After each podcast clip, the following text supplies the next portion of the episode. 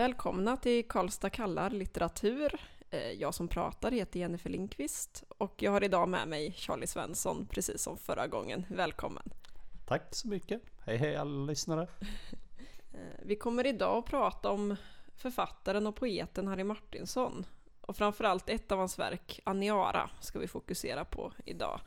Vi får se om det blir någon framtida eh, podd som fokuserar på Martinssons övriga poetskap kanske. Men vi tycker att Aniara är ett så mastigt verk att den förtjänar ett helt avsnitt. Framförallt i samband med filmen som nyss har kommit ut, baserad på verket. Och jag vill varna redan nu att vi kommer spoila sönder både filmen och boken för er som inte har sett eller läst dem. Eh, det blir inte så spännande diskussioner om vi inte kan röra vid hela verket, känner jag.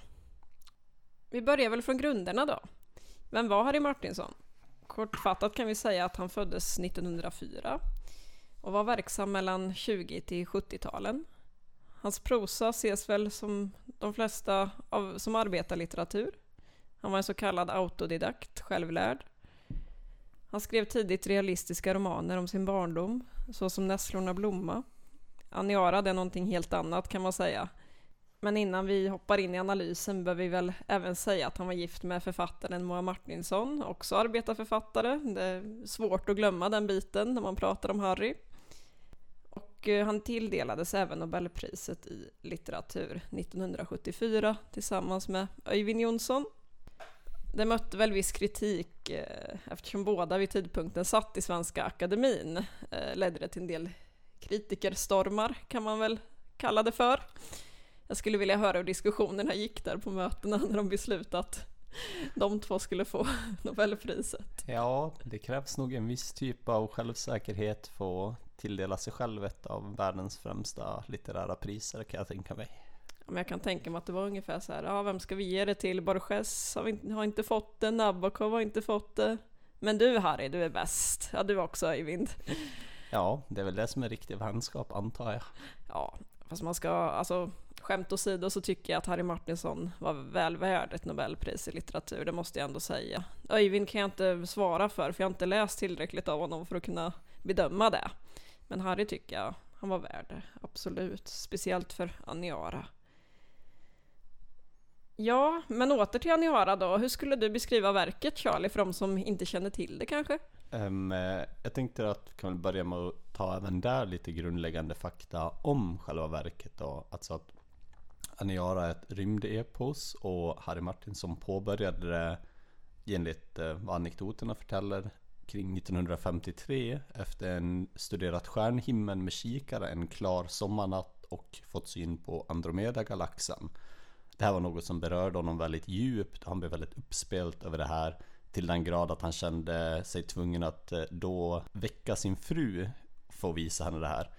Hur väl hon uppskattade tilltaget brukar inte framkomma av det hela men för Harry så var det av enorm betydelse. Han kunde inte sova resten av natten och här föddes det första fröet då till verket som skulle bli Aniara. Men en även annan anledning som inte är kanske fullt lika gemytlig är förstås att han var inspirerad av den tidens stora konflikter. Sovjetunionen hade precis sprängt sin första vätebomb. Något som ledde till minst sagt en del oro i hans liv. Och sen till slut då, tre år senare, 1956, publicerades verket i sin färdiga form. Delar hade kommit ut tidigare i en diktsamling.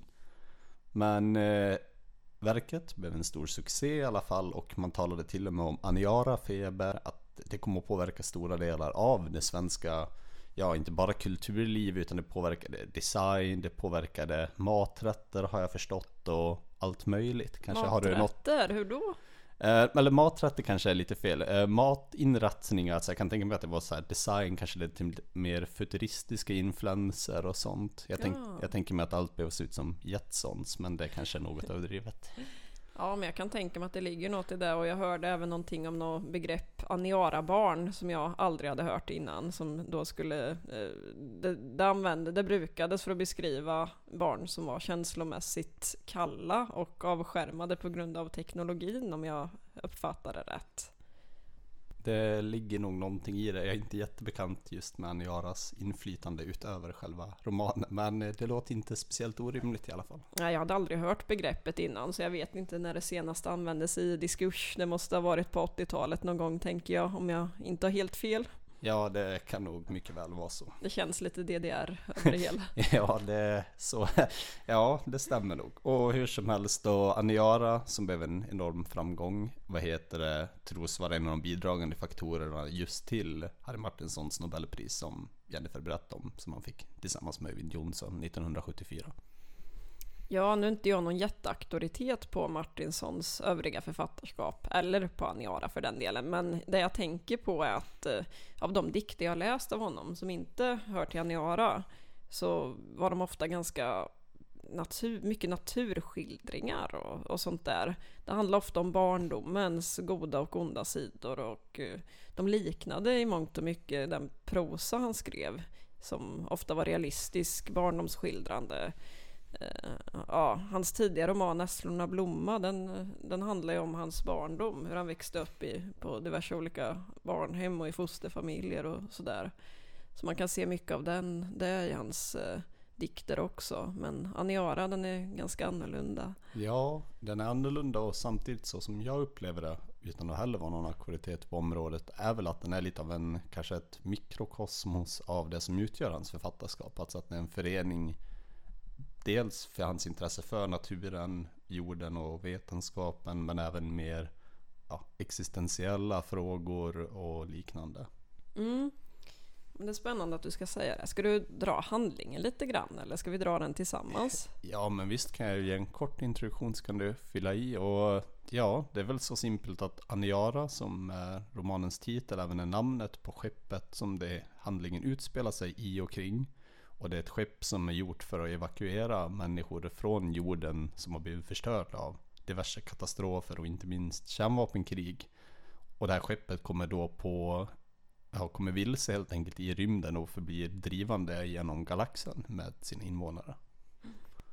Och huvudkaraktären är väl den som berättar, är ju den så kallade Mimaroben, eh, är väl hans titel och blir också hans namn efter att han har gått igenom den här utbildningen till att sköta miman, som vi kanske också måste förklara vad det är för någonting. Ja, och det är nog inte så bara att förklara vad miman exakt är för någonting, men att det rör sig om någon form av kanske vad man skulle kalla en multimedia maskin eller någonting, något som liknar, producerar underhållning och så åt människorna ombord på skeppet. Ja, den visar dem, den värld de har lämnat, alltså jorden som i verket kallas för Doris oftast. Eh, den visar väl gamla tider och den visar olika händelser från diverse andra planeter också upplever jag det som.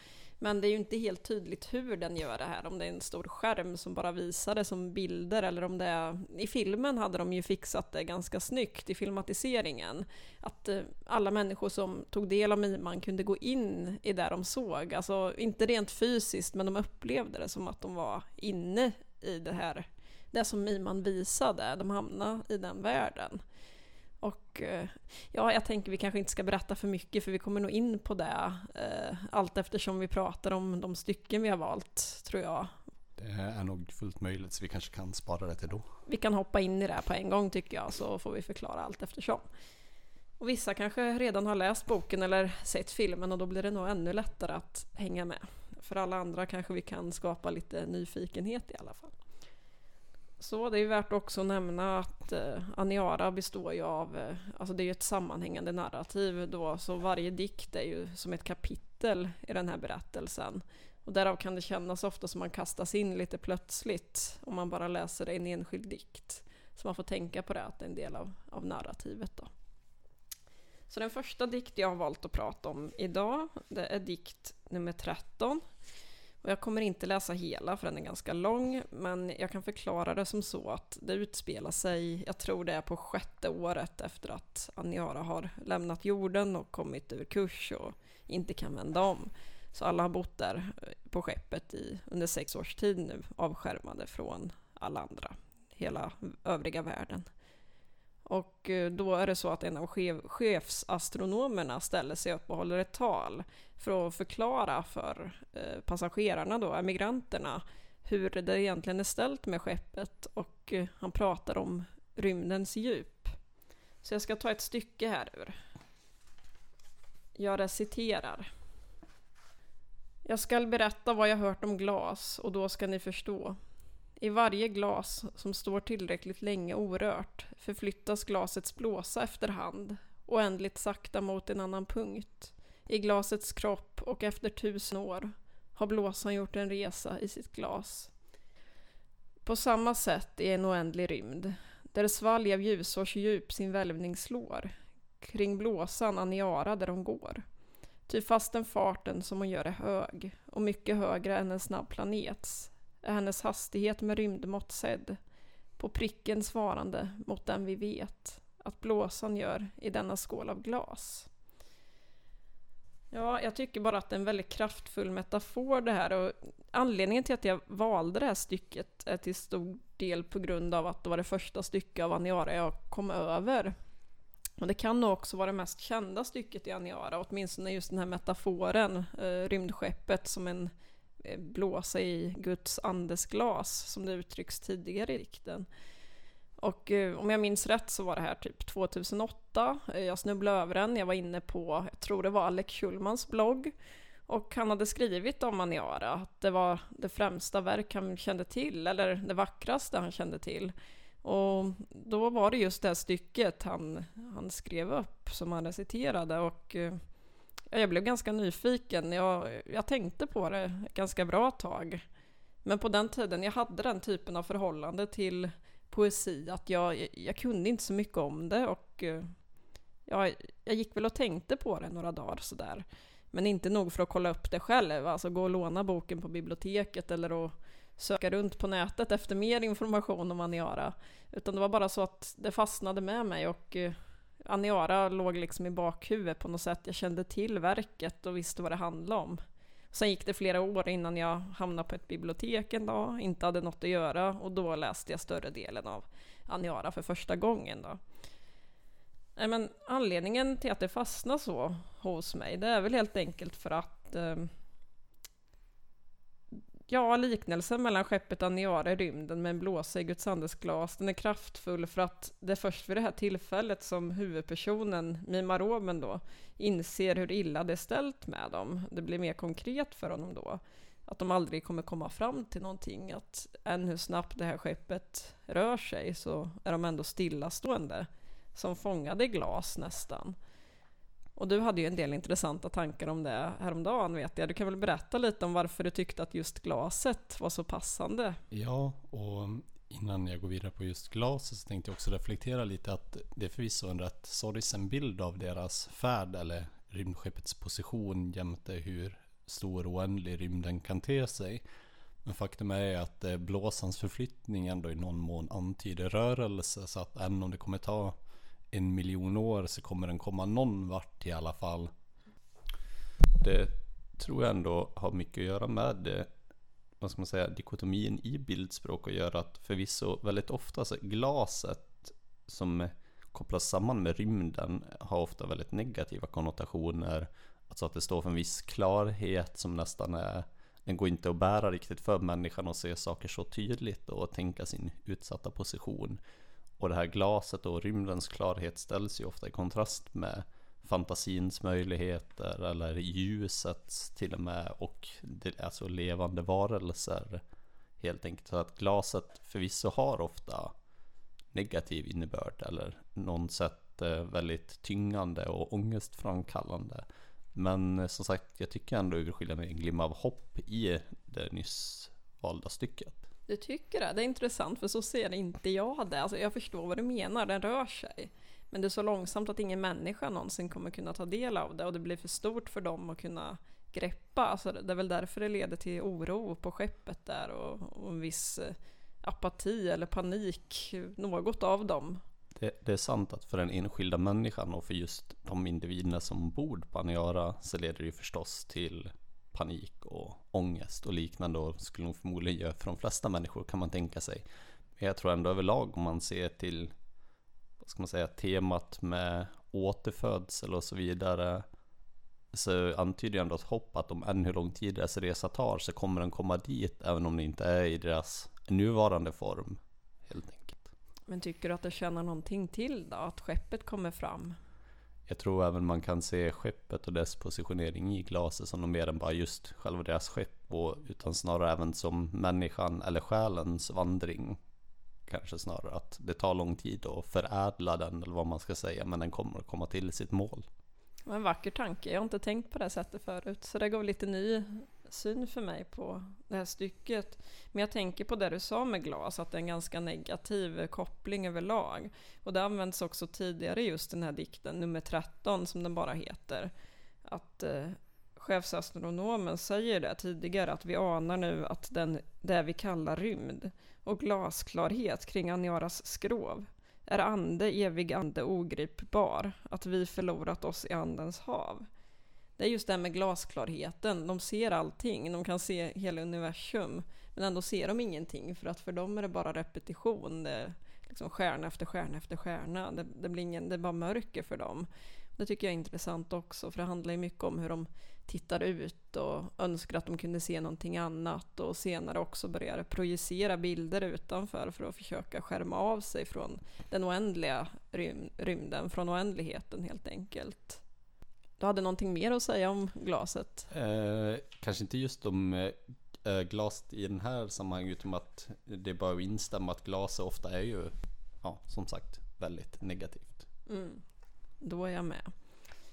Ja, sen vet jag inte riktigt mer vad jag ska säga om det här stycket. Det är ju... Det slutar ju med att Mima Roben flyr iväg och möter upp en kvinna som heter Daisy som bor ombord på skeppet och som väl i någon mån ska symbolisera glädje och bristen på tankeverksamhet kanske och den välsignelsen för att Daisy framträder under berättelsens gång som att hon är väldigt eh, eh fokuserad på njutning. Alltså hon tycker om att dansa, och hon pratar fortfarande slangen från Doris, det vill säga jorden. Och han finner en viss eh, lättnad i henne. Och det påstås också i någon tidigare dikt att hon inte ser någon skillnad på den dans som man dansar ombord på Aniara mot den man dansade på jorden. För henne gör det inte så stor skillnad om man är fången på ett, ett rymdskepp på väg ut i oändligheten eller om hon är kvar på sin hemplanet. Så han, eh, han flyr till henne då och ja, sen har de väl ett sexuellt möte som verkar lätta upp lite granna när i varandra utan köld och fara, vi glömmer rymderna kring Aniara. Så där börjar det sexuella temat röras lite grann vid och eh, det blir ju starkare senare under bokens gång också med diverse olika sekter och sånt. Men jag tänker vi kanske kommer in på det mer sen. Ja, om jag bara får tillägga lite ja, just kör. i det här fallet. Att, uh, här är väl en av de uh, uppställningarna vi lite var inne på, alltså just rymdens stelhet och kyla jämte den mellanmänskliga kontaktens värme. Mm. Men det skulle förstås vara ett rätt grovhugget verk om det var så simpelt att ställa upp det så. Och jag tycker nog ändå man kan ana lite, framförallt i den flykt han gör där efter det där talet, att det finns en viss negativ syn på det också. Att hon framställs som nästan infantil, om inte annat väldigt naiv. Och att det är ändå bara en verklighetsflykt, det är ingenting som kommer skänka dem någon temporär eller permanent eh, visdom eller på något sätt lugn, utan det är en temporär flykt in i köttet det rör sig om. Det är sant. Det visar ju lite grann på att det är ganska hopplöst ställt där ombord. Det finns liksom ingen framstegstro kvar längre egentligen, om man skulle kalla det för det. Utan det handlar mer om att lätta sin ångest för stunden. Men det, det framstår som att Daisy är den lyckligaste på hela skeppet egentligen för att hon, som du säger, är naiv. Hon verkar inte bry sig så mycket om situationen, att det spelar ingen större roll. Men det gör henne också till den som är faktiskt lycklig och den som en av få människor som verkar må ganska bra därpå. Jo, det är förvisso sant. Eh, och ja, det är lite svårt att säga skulle jag också säga i den mån att vi har bara tillgång till henne via Mima Roben och vad han tycker om henne. Och som sagt, han har ju ändå en rätt, alltså han vill i alla fall få henne framstå som en väldigt naiv person, en väldigt lycklig. Och att hon är väldigt så här sorglös och bara bryr sig om dans mer eller mindre och nöjen kan vi tolka det som. Ja precis, vi vet ju inte hur hon tänker men de olika kvinnogestalterna ska nästan symbolisera diverse olika sinnestillstånd, tänker jag. Och hon står väl då för djuriskheten och ingen människa är ju så enkel i verkligheten att man helt enkelt har den aspekten. Jag tror inte det i alla fall. Du skrattar va? Jag, jag håller nog med i antagandet. Jag tror ingen är så enkel. Nej, jag tror inte det i alla fall. Att, eh, att det finns en sån lättsinnighet. Men man kan ha dragen av det. Det är nog möjligt. Okej. Eh, då så, då tycker jag att du kan läsa den första dikt du har valt. Um, jag tar avstamp i sång nummer fyra. Och det är alltså då precis efter de har blivit träffade av den här asteroiden och är försatta ur kurs. Och det, för, uh, det här skulle jag nog säga introduceras en av de väldigt genomgående teman i diktverket. Och det är vad jag upplever som är mer eller mindre en hemlängtan eller så. Och eh, Framförallt att mycket av deras ångest kanske, det låter lite uppenbart att säga, men beror mycket på att de är avskilda från ett sammanhang. Och det framkommer ju tydligt i just då sång 4 att eh, det beskrivs hur jorden eller vår solsystems eh, kristallport stänger sina portar för dem och de svävar då helt fritt. Och vad heter det?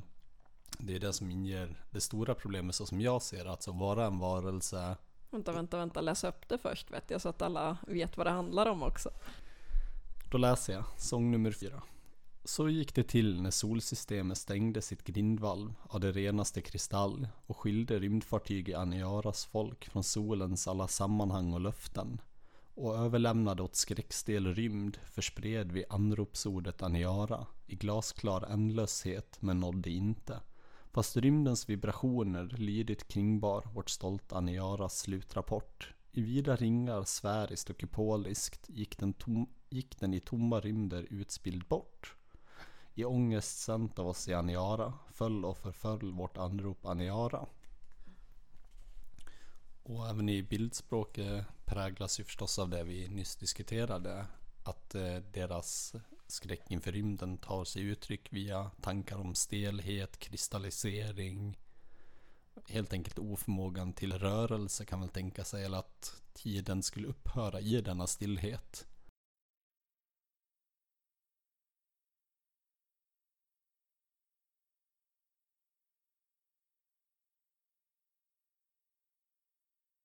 Och som sagt denna hemlängtan och det är även att som som jag upplever mycket handlar om är väl inte kanske direkt en hemlängtan efter just den fysiska jorden men snarare just det sammanhang man har tillhört tidigare som väldigt tydligt beskrivs att de avskärmas från.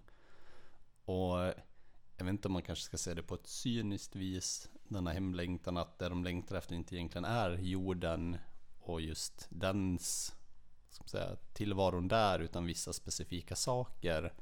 Jag antar att det är lite som när Dr. Glas reflekterar i boken med samma namn kring skärgården och att folk tycks ha en sån positiv inställning till den med att om man frågar någon om den så kommer det väldigt snabbt fram att oftast är faktiskt inte folk så intresserade av skärgården utan snarare bara något de förknippar med den. Mm, det tycker jag är en väldigt intressant tanke för att det är just det här att de saknar det är när man väl förlorar det man inser vad man har haft också. Och att antagligen var tiden på jorden inte så lycklig för dem. Det får man ju utgå från. För att alla har ju lämnat jorden på grund av strålningsskador och liknande. Men eh, det är först när man blir avskärmad som man inser vad man har saknat och de möjligheter man kan man har förlorat. De människor man saknar kanske, och vad man kunde ha gjort mer. För det blir ju nästan som att de blir dömda till en för tidig död kan man ju säga i sin avskärmdhet eh, på något vis. Jag kopplade också ganska mycket till, jag tänkte metaforiskt sådär. Och det kommer min nästa dikt som jag har valt peka mot också. Just hur man kan se Aniara som en slags eh, inslutenhet. Om du förstår vad jag menar. Att man känner sig, man blir avskärmad kanske, man kan inte nå ut längre. Och det är då man inser att det är för sent. Det är inte min primära läsning av verket så. Jag ser det ju mer som det ordagranna, att det faktiskt handlar om hur människan förstör för sig själv och för alla andra. Och det till slut slutar i kaos och det är då man ångrar sig. Men det, det finns ju en tydlig koppling där. Ja, jag tycker det var jättebra att du sa det just det där med inneslutenhet och det. För jag tycker ändå det är rätt intressant att Harry Martinsson själv tror jag beskrev väl det som något av ett Cassandra-rop. Och det har ju ändå en viss innebörd att Cassandra, om jag minns rätt, är ju i den grekiska mytologin en sierska som tyvärr aldrig blir trodd. Helt enkelt. Hon ser framtiden men ingen lyssnar på henne. Om jag inte har det helt fel. Ja, Och det kan jag tänka mig också skulle resultera i en viss känsla av inneslutenhet. Och att Harry Martinsson då väljer, väljer att skriva sitt epos om människans stundande undergång så som han ser det tack vare ja, förstörelse av jorden, inte minst via vätebomber och atombomber. Och och nu kommer det, ja, eller hade du någonting mer du nej, ville säga vi nu? kan absolut gå vidare om du vill det. Ja men det hör till det här lite grann också för jag tänker på det nu, nu kommer jag tillbaka till det här med biografiska kopplingar igen och det ska man egentligen inte göra för det sa vi redan i förra podden om Edith där att det är dumt att göra så. Men eh, jag tänker på Harry som alltså, sia, poeten som en slags siare ändå för jag vet ju också att Harry skrev ju efter det här verket, några år senare var det, en diktsamling som heter Vagnen som starkt kritiserar bilismen och framsteg och ja, den typen av, av saker, teknologiska framsteg och sånt. Och den blev ju väldigt starkt kritiserad. Och jag kan tänka mig att han såg det som någonting väldigt viktigt, precis som för Aniara, att det var någon slags kärleksprojekt ändå att försöka varna människor. Det är rätt tydligt på baksidan av boken också där. Det finns ju ett citat från Harry själv där som utsades året efter att Aniara kom ut. Vi tror att det räcker med att överlämna åt politikerna att klara en del praktiska samlevnadsdetaljer. Men vi måste alla känna vårt meddela, vår meddelaktighet i världssituationen. Vi måste uppleva vårt, vårt medlemskap i kosmos och vår medansvarighet när förstörelsen släpps lös.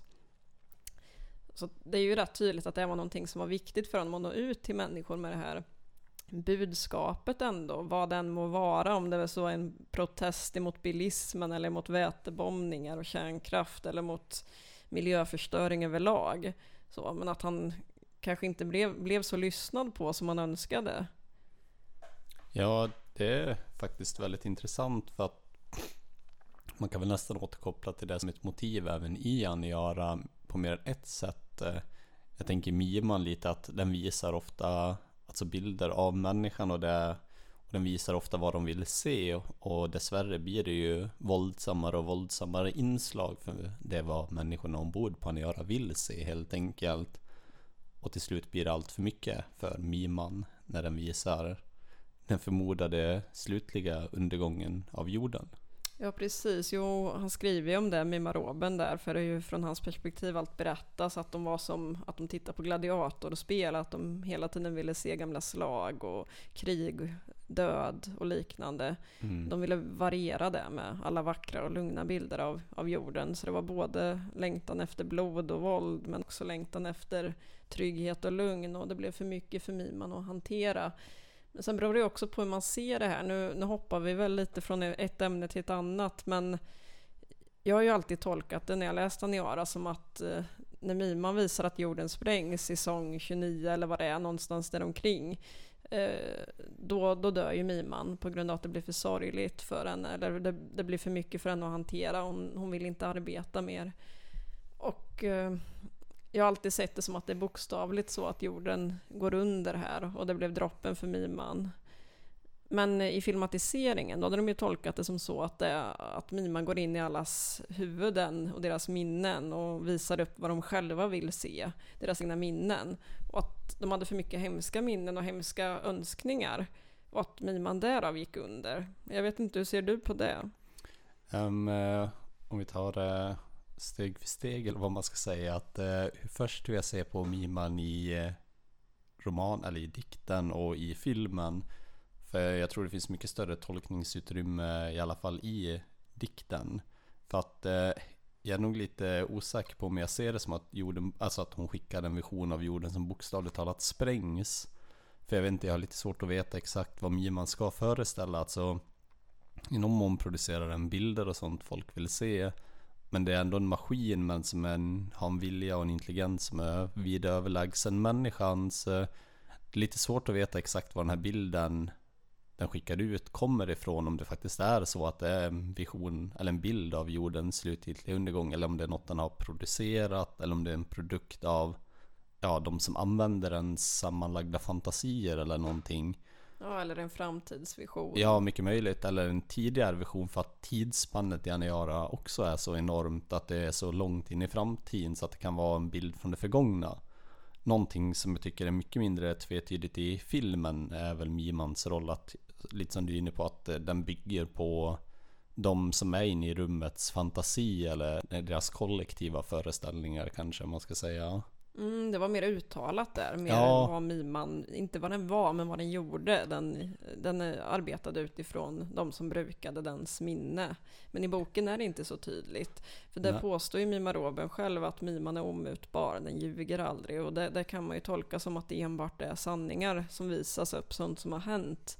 Men å andra sidan, den, dess intelligens övergår ju människan så enormt. Och det känns som att den själv kan skapa saker som men inte ens Mima Roben som är anställd för att sköta Miman kan förstå. Nej, det är sant. Och alltså till filmens credit så ska man väl dock säga att det finns väl en viss antydan om att Mima faktiskt har ett eget liv, skulle jag säga, även i filmen. För att folk som vistas i Mima-salen alltså påverkas av den ofrivilligt mer eller mindre där. Att det är lätt att om du bara tappar koncentrationen lite så tar sig den in i huvudet tycks det som i alla fall. Man får flera gånger se att folk bara blundar till eller nickar till och då är miman redan börjat påverka dem. Så den har ju ändå en värst, liten, vad ska man säga, mörk anstrykning där att den lever sin egna vilja och på något sätt lever på deras fantasi. Mm, men det håller jag med om och den har ju en väldigt stor makt över människorna på Aniara, även i boken för att då framställs den ju nästan som en gud. Att alla människor eh, går dit som nästan ber till den. Och eh, ja, efter, efter att Miman har dött så blir den ju även någon slags eh, eh, mittpunkt för olika riter och sånt som eh, de skapar där på skeppen. På skeppet. Och eh, det är det jag tänker att de, det är också mycket sådana eh, symboler som Martinsson använder sig av. Liknelser och symboler för att eh, Miman skulle vara som en religion, att de sätter sig ner som till ett altare och så vidare. Och att han själv nästan blir som en präst då som kan bruka den här guden och styra den i någon mån till de andras eh, njutning. Och det blir också ganska intressant om man betraktar Miman som en gud som enbart finns till för att tjäna människorna men till slut går under på grund av människorna. Att de ställer för höga krav på henne eh, ungefär. Att hon är deras enda, enda tillgång till glädje och njutning i den situation de är i, befinner sig i just då. Och till slut klarar inte ens hon av det mer. Nej, det är helt sant och det ligger väl också i lite av den här nyanseringen av den här åtskillnaden mellan rymdens klarhet och människans behov av fantasi och sånt att även om skaparförmågan och liknande oftast framställs som någonting i alla fall positivt eller lindrande så finns det gott om varningar att, att ägna sig för mycket åt det hela inte är värst positivt heller skulle jag säga. Mm, exakt. De ser ju sig själva som förlorade också när Miman går under på, jag tror det är sjätte året av färden och vi får följa dem fram till 24 året.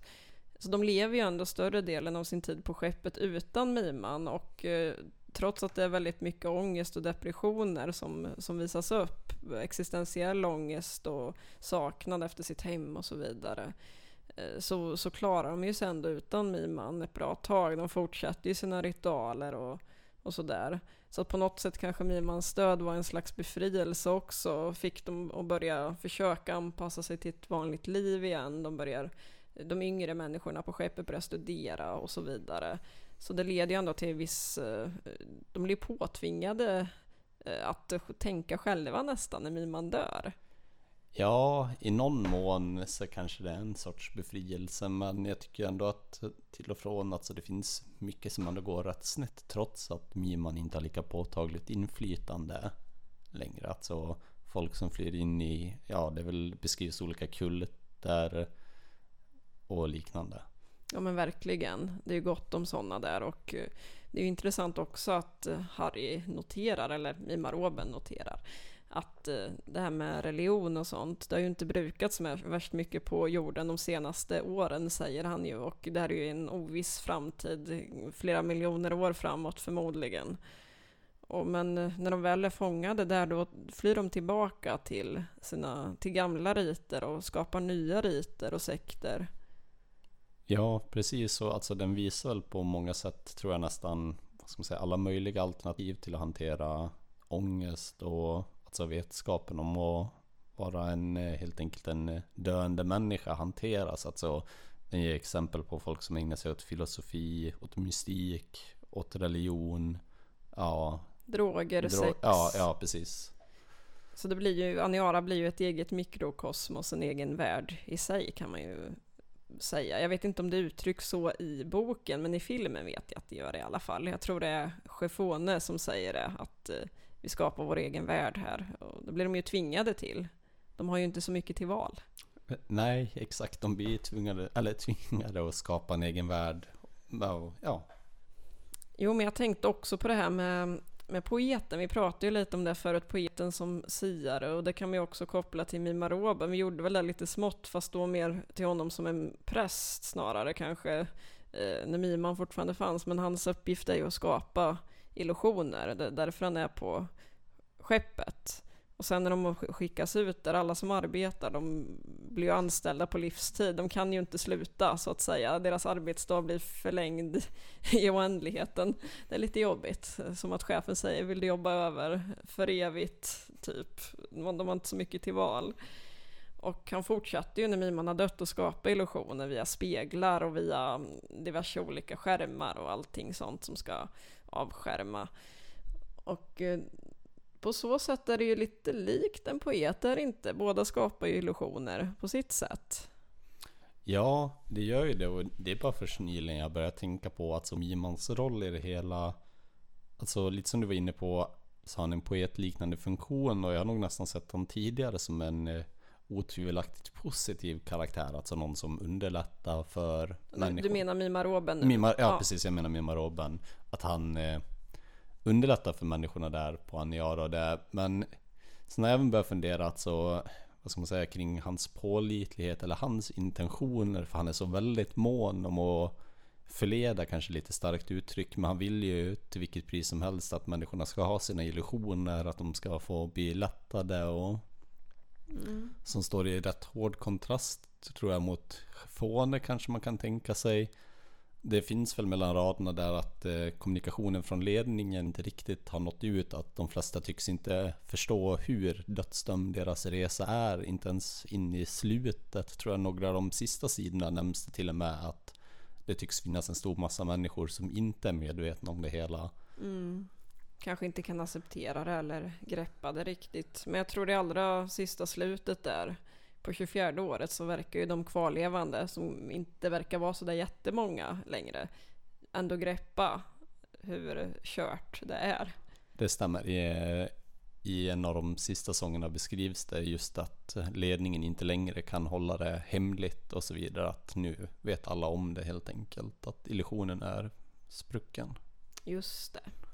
Och vi ska väl hinna med några dikter till här, men jag ska också klargöra om det är några som har sett filmen men inte läst boken så kanske ni tycker det är konstigt att vi refererar till Mima Roben som han och Daisy som hon. Eh, men det är ju så att de gjorde en liten subversiv version av filmen, att de bytte ju... Mima Robens kön är ju inte så tydligt i boken, men vid något ställe refereras han ju till som, eller han refererar till sig själv som den sista mannen så det antyder ändå på att det är en manlig karaktär. Och Daisy är tydligt en kvinnlig karaktär i boken.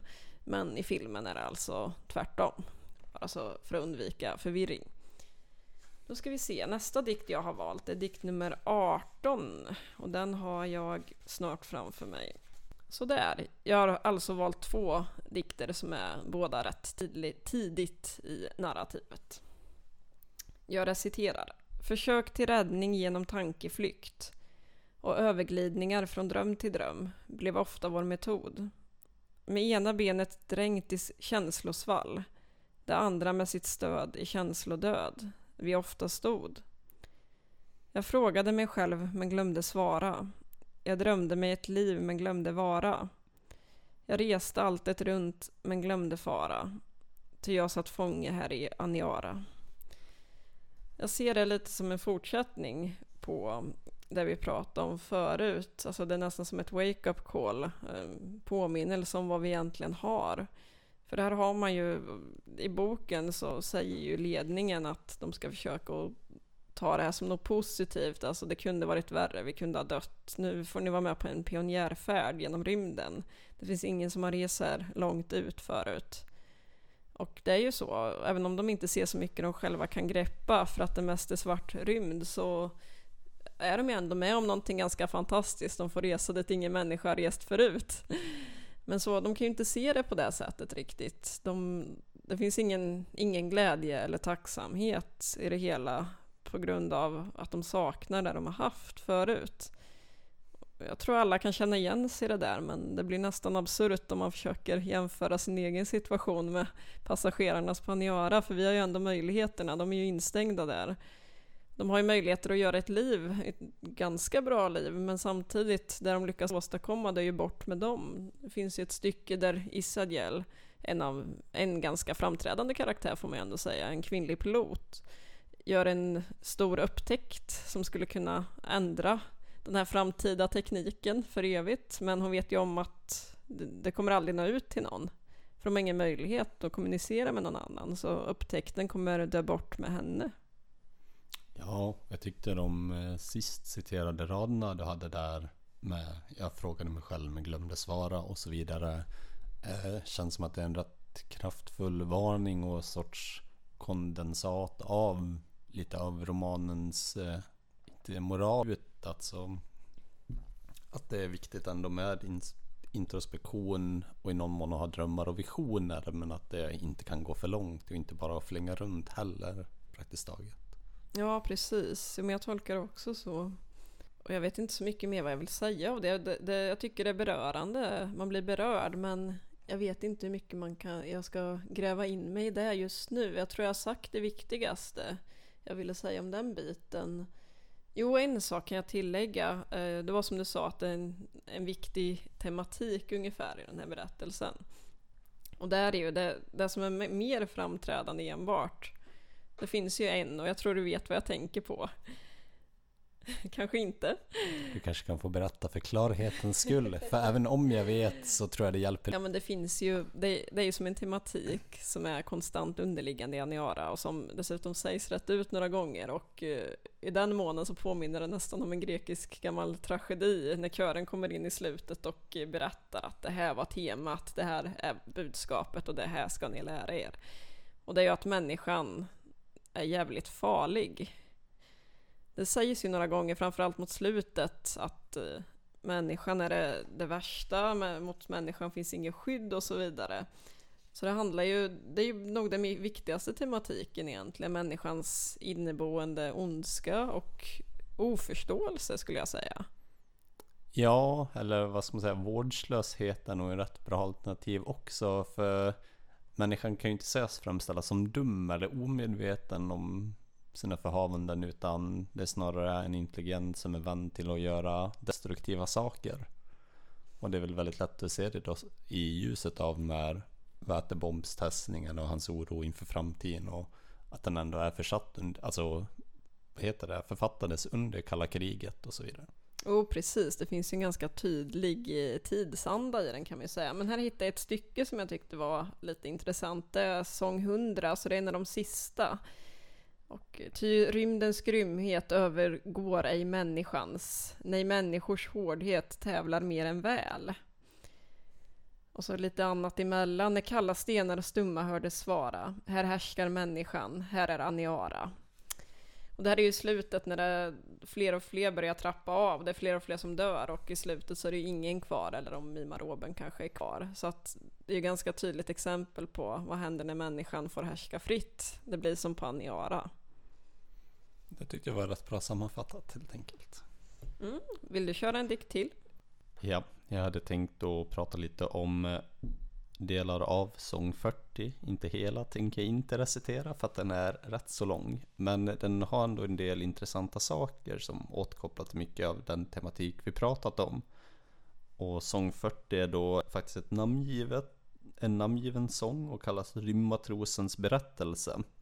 Och det är då helt enkelt en rymdmatros, vi får anta att det är en sorts sjöman fast för rymdskepp helt enkelt som berättar om sin älskade Nobby som han kände en gång på en annan planet och förmodligen på Mars men även kanske på jorden antyds det sen.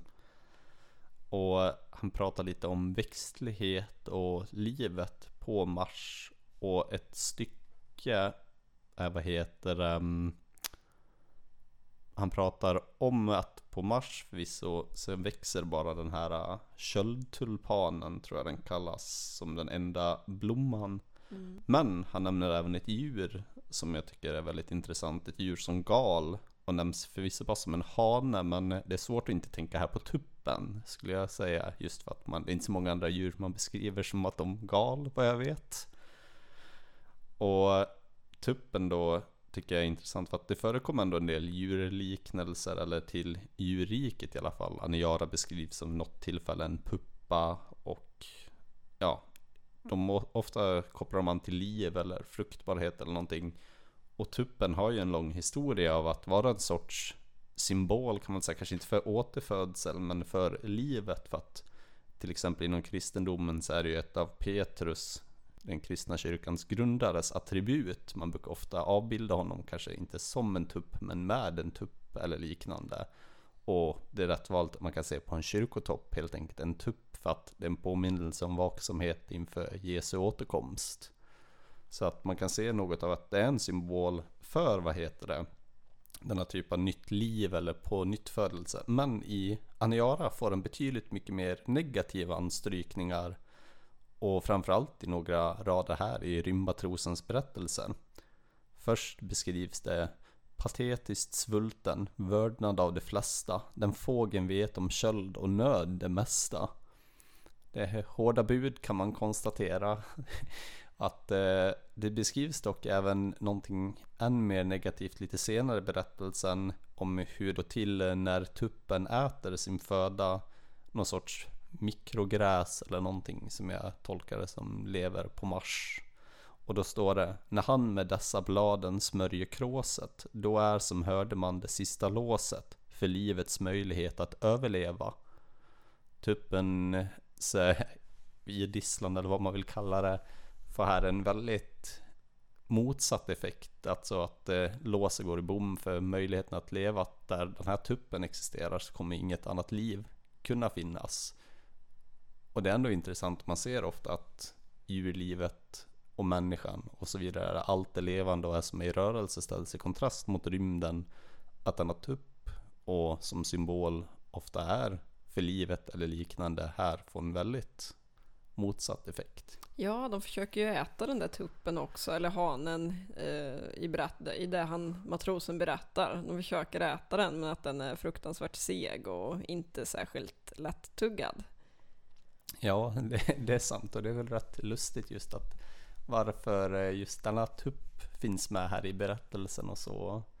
För det är ändå en grund och botten är ju matrosens berättelse en berättelse om kärlek till just den här Nobby som verkar vara en väldigt god samarit kanske man skulle kunna säga. Mm. Hon tycks ha ägnat hela sitt liv som verkar ha varit rätt hårt till välgörenhet och hjälpa folk och det.